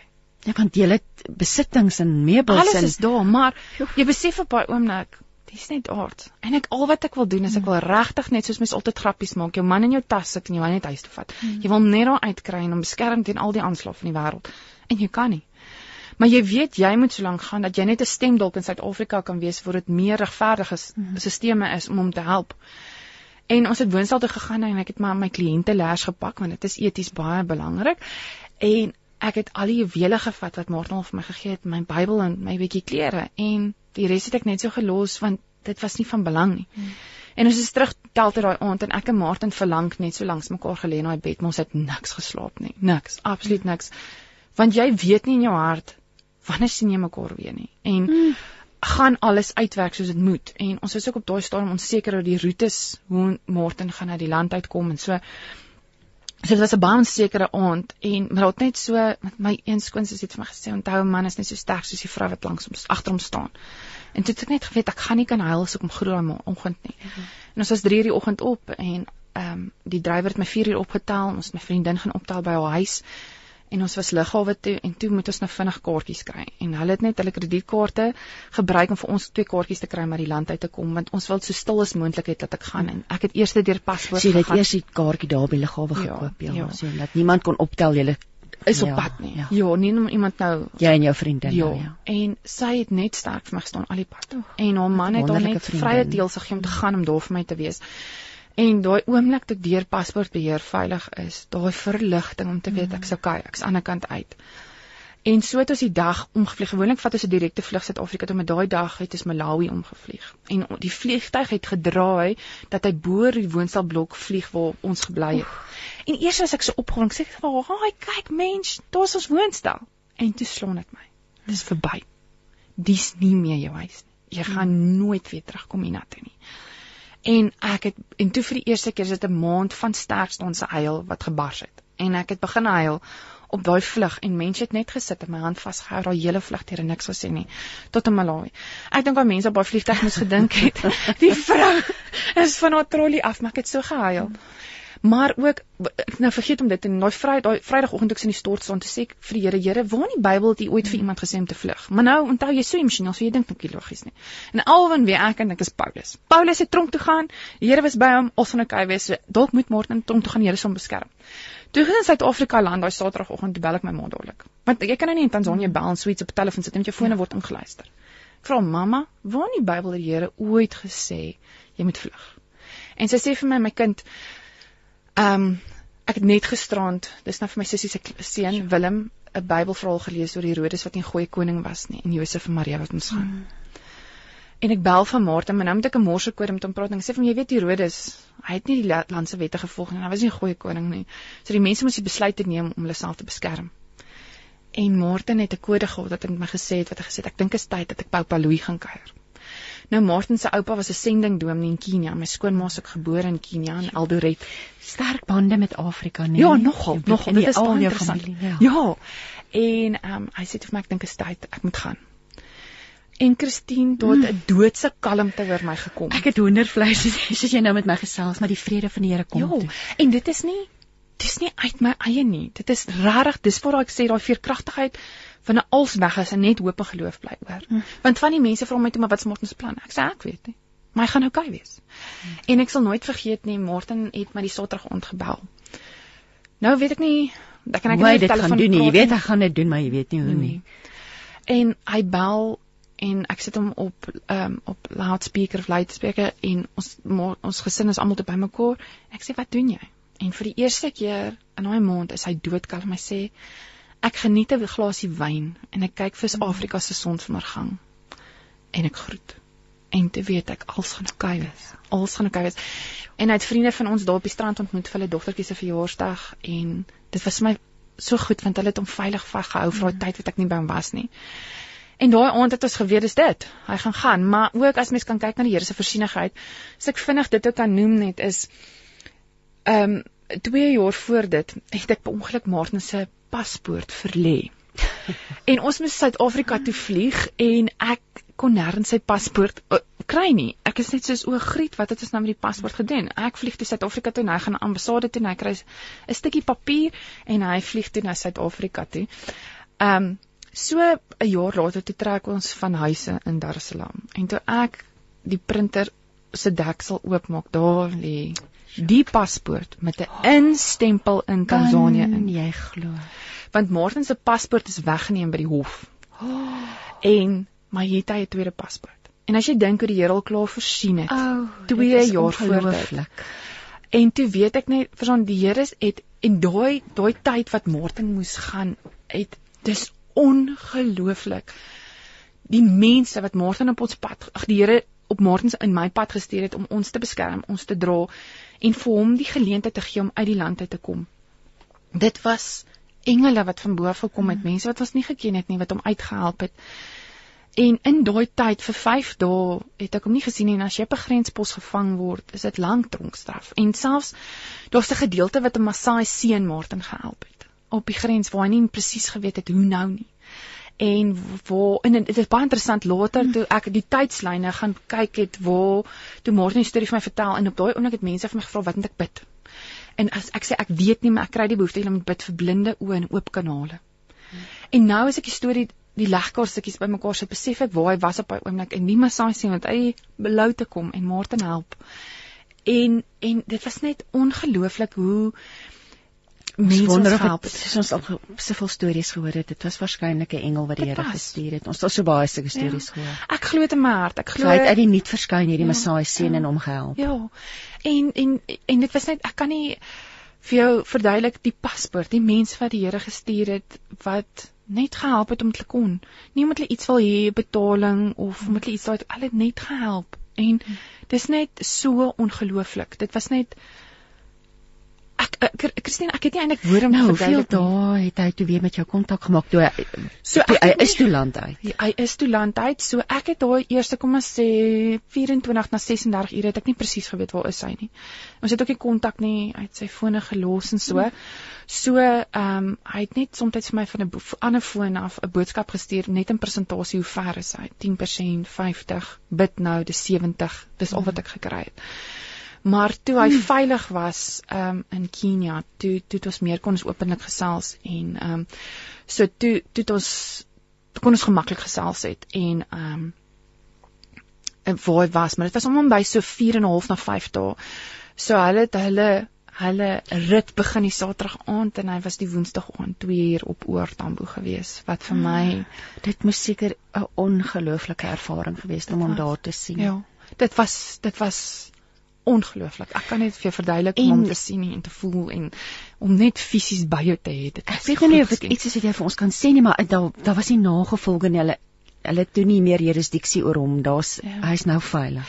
So al het Martin so daar 2 jaar nadat hy nou nog nou terug is in Suid-Afrika was dit nog uh, maar 'n moeilike stryd want sy hofsaak in Tansanië het nog steeds voortgegaan sonder hom in sy afwesigheid. So van Suid-Afrika af moes ons verslae gestuur het dat hy ehm um, mediese behandeling ontvang om by te sê Martin se posttraumatiese st- st- hy verskriklik erg aan posttraumatiese stres gely en so het ons verslaaf die die die hof gestuur in Tansanië om, om te sê hy is hier vir mediese behandeling maar so die hofsaak aangehou elke maand elke maand elke maand en ehm um, oh, hulle het maar alle toertjies uit elke hoed probeer trek om mm. maar dit nou aan te hou. Maar in dieselfde tyd wat sy kollegas uitgekom het uit die ja. tronk uit, het sy is Martin ook totaal onskuldig bevind. Wat ook Ja, 'n wonderwerk op dit sigself. is 'n wonderwerk op sy eie want dit is moeilik want Martin het ook sy eie besighede begin en iets eenvoudig soos die oopmaak van 'n bankrekening Hmm. is moeilik want mense vra ook daaroor. So dit is nie 'n maklike situasie want as jy dit gaan op die internet gaan soek gaan jy dit kry en Hmm. hier's die en van my objektief want hy gaan my altyd my Here bly is dit die goeie goeie mens en hy het dit nie verdien nie. Ja. Ja. Het jy ooit julle ooit die Here bevraagteken oor hoekom hy dit toegelaat het? Ooh, wat is dit? Wat se invloed het dit of het dit julle geloof versterk juis oor die manier hoe dit gebeur het op die ou tyd hoe hy vrygekom het en lo, Ja. weet. Ek het nooit dit is interessant as jy dit nou so vra, ek nooit daai eintlik ek ek nooit sy rede bevraagteken hoekom dit gebeur het nie. Um ek dink dit is ook dit is in 'n stelsel van korrupsie en jy weet eintlik dit is nie 'n heilige situasie nie. Maar dit was net 'n situasie wat net jou geloof versterk het. Um ek ek het so rukkie terug toe ek vir 'n vriendin gesê ek wil dit nooit oor hê wat met ons gebeur het nie, maar wat ek soms wel mis is daai ongelooflike nabyheid wat jy ervaar het met die Here want al wat jy het is net sy afhanklikheid elke dag. En ek mis dit soms. Ek mis dit om so naby aan die Here te leef, maar ek wil nie weer daai trauma beleef nie. As ek nou so eerlik kan sê, maar dit het uit en uit my geloof versterk en dis waar ook daar in die begin waar jy gepraat het oor vreekragtigheid, daar het ek eintlik besef hoe sterk ek is, maar ook ja. deur God en dit is daar. En hoe julle lewe eintlik in 'n nie eintlik hoe julle lewe 'n getuienis geword het van God se goedheid, van sy genade en hoe afhanklik ons van hom is. verseker En want te, want min van ons word aan uiters gevaarlike situasies blootgestel en waar jou geloof ons ons ons ons lees oor die vervolgde kerk ons lees oor oor oor ja soos jy sê Paulus in in die Bybel wat gebeur het met die meeste van die disippels en ja. ja Ja, want ek het daai tyd ook die voorreg van vryheid en daai en en sekuriteit. Ek het dit nooit as 'n voorreg gesien nie. Jy het dit net van selfsprekend aanvaar. Ek's veilig. Ja. Ek het die voorreg van vryheid. Ek kan gaan waar ek wil. En daar het ek besef dit 'n ongelooflike voorreg is dit om vry te kan beweeg en ehm um, en dan besef ek ook maar joh, uh, ons is bevoordeel vir waar ons is. Baie baie bevoordeel. Ja. Jo, kom ons kom ons praat oor oor die oor Nehema en wat toe toe is julle terug in die land. Ja. Ek ek neem aan dit het jy het gesê Martin het ook aan posttraumatiese stres gelei. Dit moes ook 'n groot aanpassing gewees het. Is julle toe julle self gaan vestig So in die maar wat eintlik so genade is dit maar eintlik gekoop ehm um, 3 jaar voor dit teruggekom in Suid-Afrika toe. O, so dit was al in julle Ja, besit. ja. En Dit dit so, was het selfs 'n plek gehad om na toe terug te en keer. dis presies dis wat ek nou vir jou wil sê want die Here voorsien want die tyd vir ons hy verstaan ons het nie 'n vaste huis daar gehad nie maar dit almal selfsorgeenhede is maar ons kan Martin het vir ons daai tyd 'n uh, eenheid omskep wat altyd ons wou hom altyd 'n witbroodsuite gemaak het en toe word die drie garages ons nuwe huis. Maar jy moet nou eers vir ons sê wat beteken want Nehema. is ja. ja, okay. So Nehema beteken genade. So Is dit 'n Swahili woord? Dis 'n Swahili woord. So omdat ons so ek en Martin het op die stukkie pragtige grond het is ook aan die kabelspoor en hartbespoort so jy het die uitsig oor die berg en mm. die natuurskoon daar is net ongelooflik mooi. Dit is so 'n voorreg. En ons het eintlik daar gehuur by die vorige eienaars voordat ons Tanzanië toe gedry het in 'n tuin woon of 'n kothuis of so op hulle perseel. En so het ons Tanzanië toe getrek en ons was so lief vir daai stukkie grond want ons het so lekker daar gebly. En toe sien ons die plek gaan veiling. En so as ons toevallig in Suid-Afrika en en dan nooit is iets Nooit. toevallig nie. Presies, presies. Hier is die besturing. Ons was in Suid-Afrika Afrika. en ons het die voorreg gehad om die stukkie grond te koop op veiling. En ons het besef ons wil dit graag 'n Swahili naam gee want Tanzanië se werk het dit vir ons moontlik gemaak om mm. die groot geskenk te kon ontvang van die Here af. En ehm um, ons het besluit ek en Martin lank gesels oor wat beteken wat beteken die plek vir ons. En dit het ek nadertjie vir hom gesê of ek weet nie eintlik wie dit vir ons sê maar genade. Dit kom neer genade. Die Here het die vir ons gegee. En dit is nie vir Tanzanië was dit is nie moontlik nie. Soveel genade lê hierin. En ons het die dag nou soek ons genade en so aan en ons Swahili is daai staan nog bietjie gebroken en ons is in die Serengeti die naweek vir 'n spanbou met Martin se span. En daar was die amazing man Simon Kuta wat Martin se span was en ek vra vir Kuta by by tafel Kuta, what does grace mean in Swahili? En hy sê vir my Nima of Niema. Hmm. En ek en Martin se vir mekaar gekyk gesê, Dis Nima. naam. Ja, want Nima, as jy hom spel is dit N E E M A. So dit Ja. klink in Afrikaans Neema. Ja. So ons wil dit nie ons plek noem Neema nie. Maar Niema het net so 'n Ja. tong mooi tong gehad. En so het ons roete met genade met Nehema begin en Nehema was ook die genade wat het vir ons 'n huis gegee en dit was 'n plek van gesond word want dit is so rustig en kalm daar en die rivierbed en daai het Martin baie omdat hy ook 'n boerseun was, daai vrede in die natuur het hom baie laat gesond word. En die hele storie van Nehema is eintlik genade. Dit het dit het ook toe ons die plek gekoop het wat dit ook begin is. Ons het 'n um, Tannie Annelies van Niekerk het uh, ons aangestel en sy daar by ons kom bly en Tannie Annelies het 'n ongelooflike kennis oor plante en ehm um, landskap en ehm um, sy het toe vir ons die projek bestuur want die plek ehm um, het verskriklik baie renovasies gehad, verskriklik baie. En dit was omtrent 'n 5 jaar projek om alles op te bou en reg te maak en daar was glad nie tuin nie. En Tannie Annelies het die ongelooflike genadegawe en baie baie groen vingertjies om van baie klein ehm um, ehm um, ehm um, saailinge ehm um, groot plante te maak. So wat nou daar is is 'n of vir die oog haar hande saam met die werkers. En dit is ook 'n genade hoe sy op ons pad gekom het want as dit van my en Martin afhang het Ons sal dalk net gras gehad het want dis wat ek en Martin weet van tuin en so ons ons sal dalk mielies geplant het. Ek dink Martin sal baie van mielies en sonneblom geweet het en so. Um en maar ook al die werkers wat ons oor ons pad gekom het. Ons het die fantastiese werkers en ons bestuurder Rafael Amoa. Rafael kom van Ghana af. Hy's 'n wiskunde en wetenskap onderwyser en hy's ook 'n pastoor, maar hy's ons bestuurder. En die ongelooflikste mens. Hy doen sy werk buik. Hy's fantasties wat hy doen, maar ook dis ons vriend. En hy gee vir my en Martin soveel raad baie keer en hy sy loyaliteit. Dit is net ongelooflik. Vertel so, so vertel van net so 'n bietjie meer oor Nehema. So dit is nou dit is 'n gasteplaas Ja. met verskillende woonene, Ja. eenhede en julle dit dit is nou wat julle wel wat Martin voltyds doen. Nee, nee. So, O, so- ons elkeen ek is So ek het hierdie my- is 'n genadegawe. Dis 'n genadegawe. Maar Ons het woon ook daar? Ons woon, ons het onlangs ja. teruggetrek. Ons het eers in Kosmos gebly vir 'n jaar en toe het ons teruggetrek en is 'n daar 'n stukkie grond het ons teruggeroep. Ehm um, so om jou vraag, die eerste vraag te beantwoord, Martin het sy eie besighede begin met sy boetie, uh Dangbitel en Visa en ek het my praktyk en dan het ons mos nou onlangs ook Jabulani Equine Center oopgemaak en dan saam met dit het ons Nehema Manor. veerkragtig na al daardie trauma, na al die lang paaie, veerkragtig Anel. Ek wil nou vir jou vra geloofslesse, lewenslesse. Um ek ons moet ek sien is nou so 9, 10, 51. Ons is so so, so 5 minuutjies om te gesels. Um uit al hierdie dinge. Ons sal- ons sal nou 'n ander keer oor die perde moet praat of miskien kan jy net vinnig vir ons noem oor Ja, die perde. seker. Ja. So, ehm um, ek gaan gou vinnig net die storie. Ek's so lekker vol stories vanoggend, maar vinnig die storie oor hoe die perde begin het. stories is hoe ons mekaar en dit skryf Elsje in haar boek ook. Ander ja. mense se stories help ons weer om ons eie lewe op koers te kry. Presies.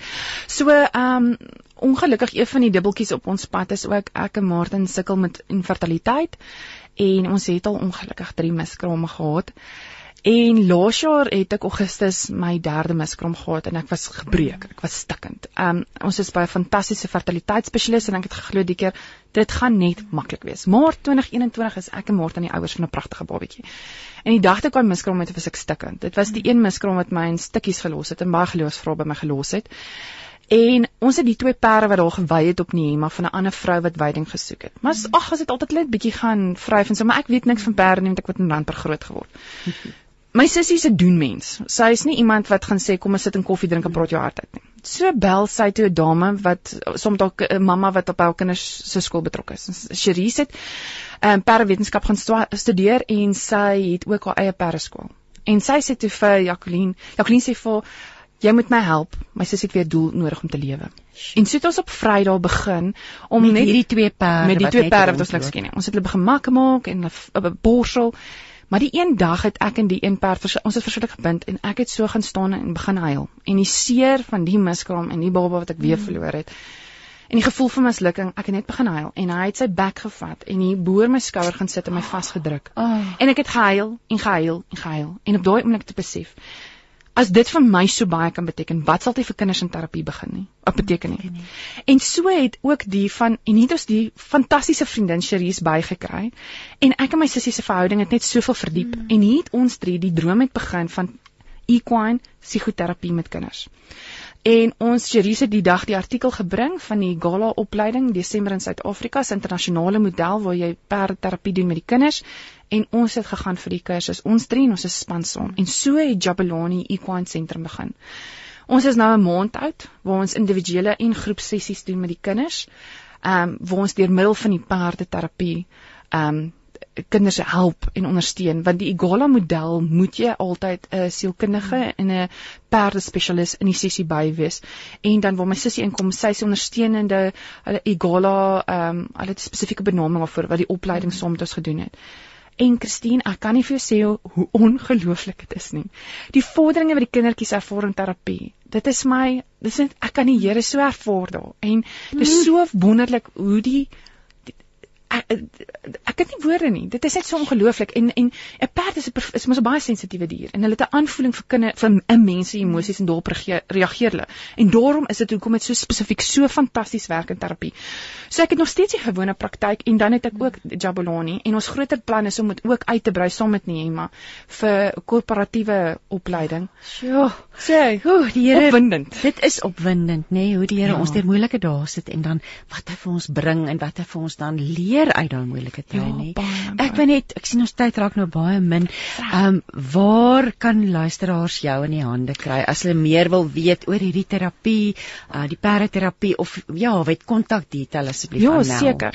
So as hulle ons wil kontak vir die praktyk, ehm um, en ook vir die perderapie kan ons kontak by 072 859 3594 of wat hulle selfs kan doen is ehm um, julle kan selfs as julle wil kom kuier op Neema by selfsorgeenhede veral die boemeise die boemeise is lieflik en binnekort is daar voelnesie op pad ook. Kan julle ons gaan opsoek op die internet op die ehm um, www.neema n e e en dan kan julle ons selfs daardeur ook die praktyk kontak. Ehm um, Rafael en Justine sit langs mekaar, so hulle kan kan vir vir julle Ja. help met alles. enige tyd en Jabulani het ook 'n Facebook bladsy, Nou. Jabulani Equine Center. So julle kan ons dalk in die hande kry. So so dankie dat jy jou hart kom deel het vandag. Ek weet dit was nie maklik geweest noodwendig om so oop te maak en te vertel nie, maar wat 'n getuienis. En ons bid die Here se seën oor julle toe, oor jou en Martin en oor julle pragtige Nehema en Nehema. So ja, ehm um, Luisteraars, dit het nie, ons het aan die einde van ons program gekom en soos beloof gaan ons weer een van Prophet se liedjies ehm um, speel. Woesie, Kom ons kyk gou watter ene van gaan. Ons gaan luister nou. Ons gaan afsluit met Prophet wat vir ons sê laat my sien. Ag en ek wens vir jou 'n geseënde week toe. Ehm um, ja, ek hoop ons het vandag 'n saadjie van veerkragtigheid geplant waar daar dalk nie was nie en dat jy die toekoms en môre met hoop tegemoet sal gaan omdat jy weet God is met jou. Seën en liefde tot volgende week. Totsiens.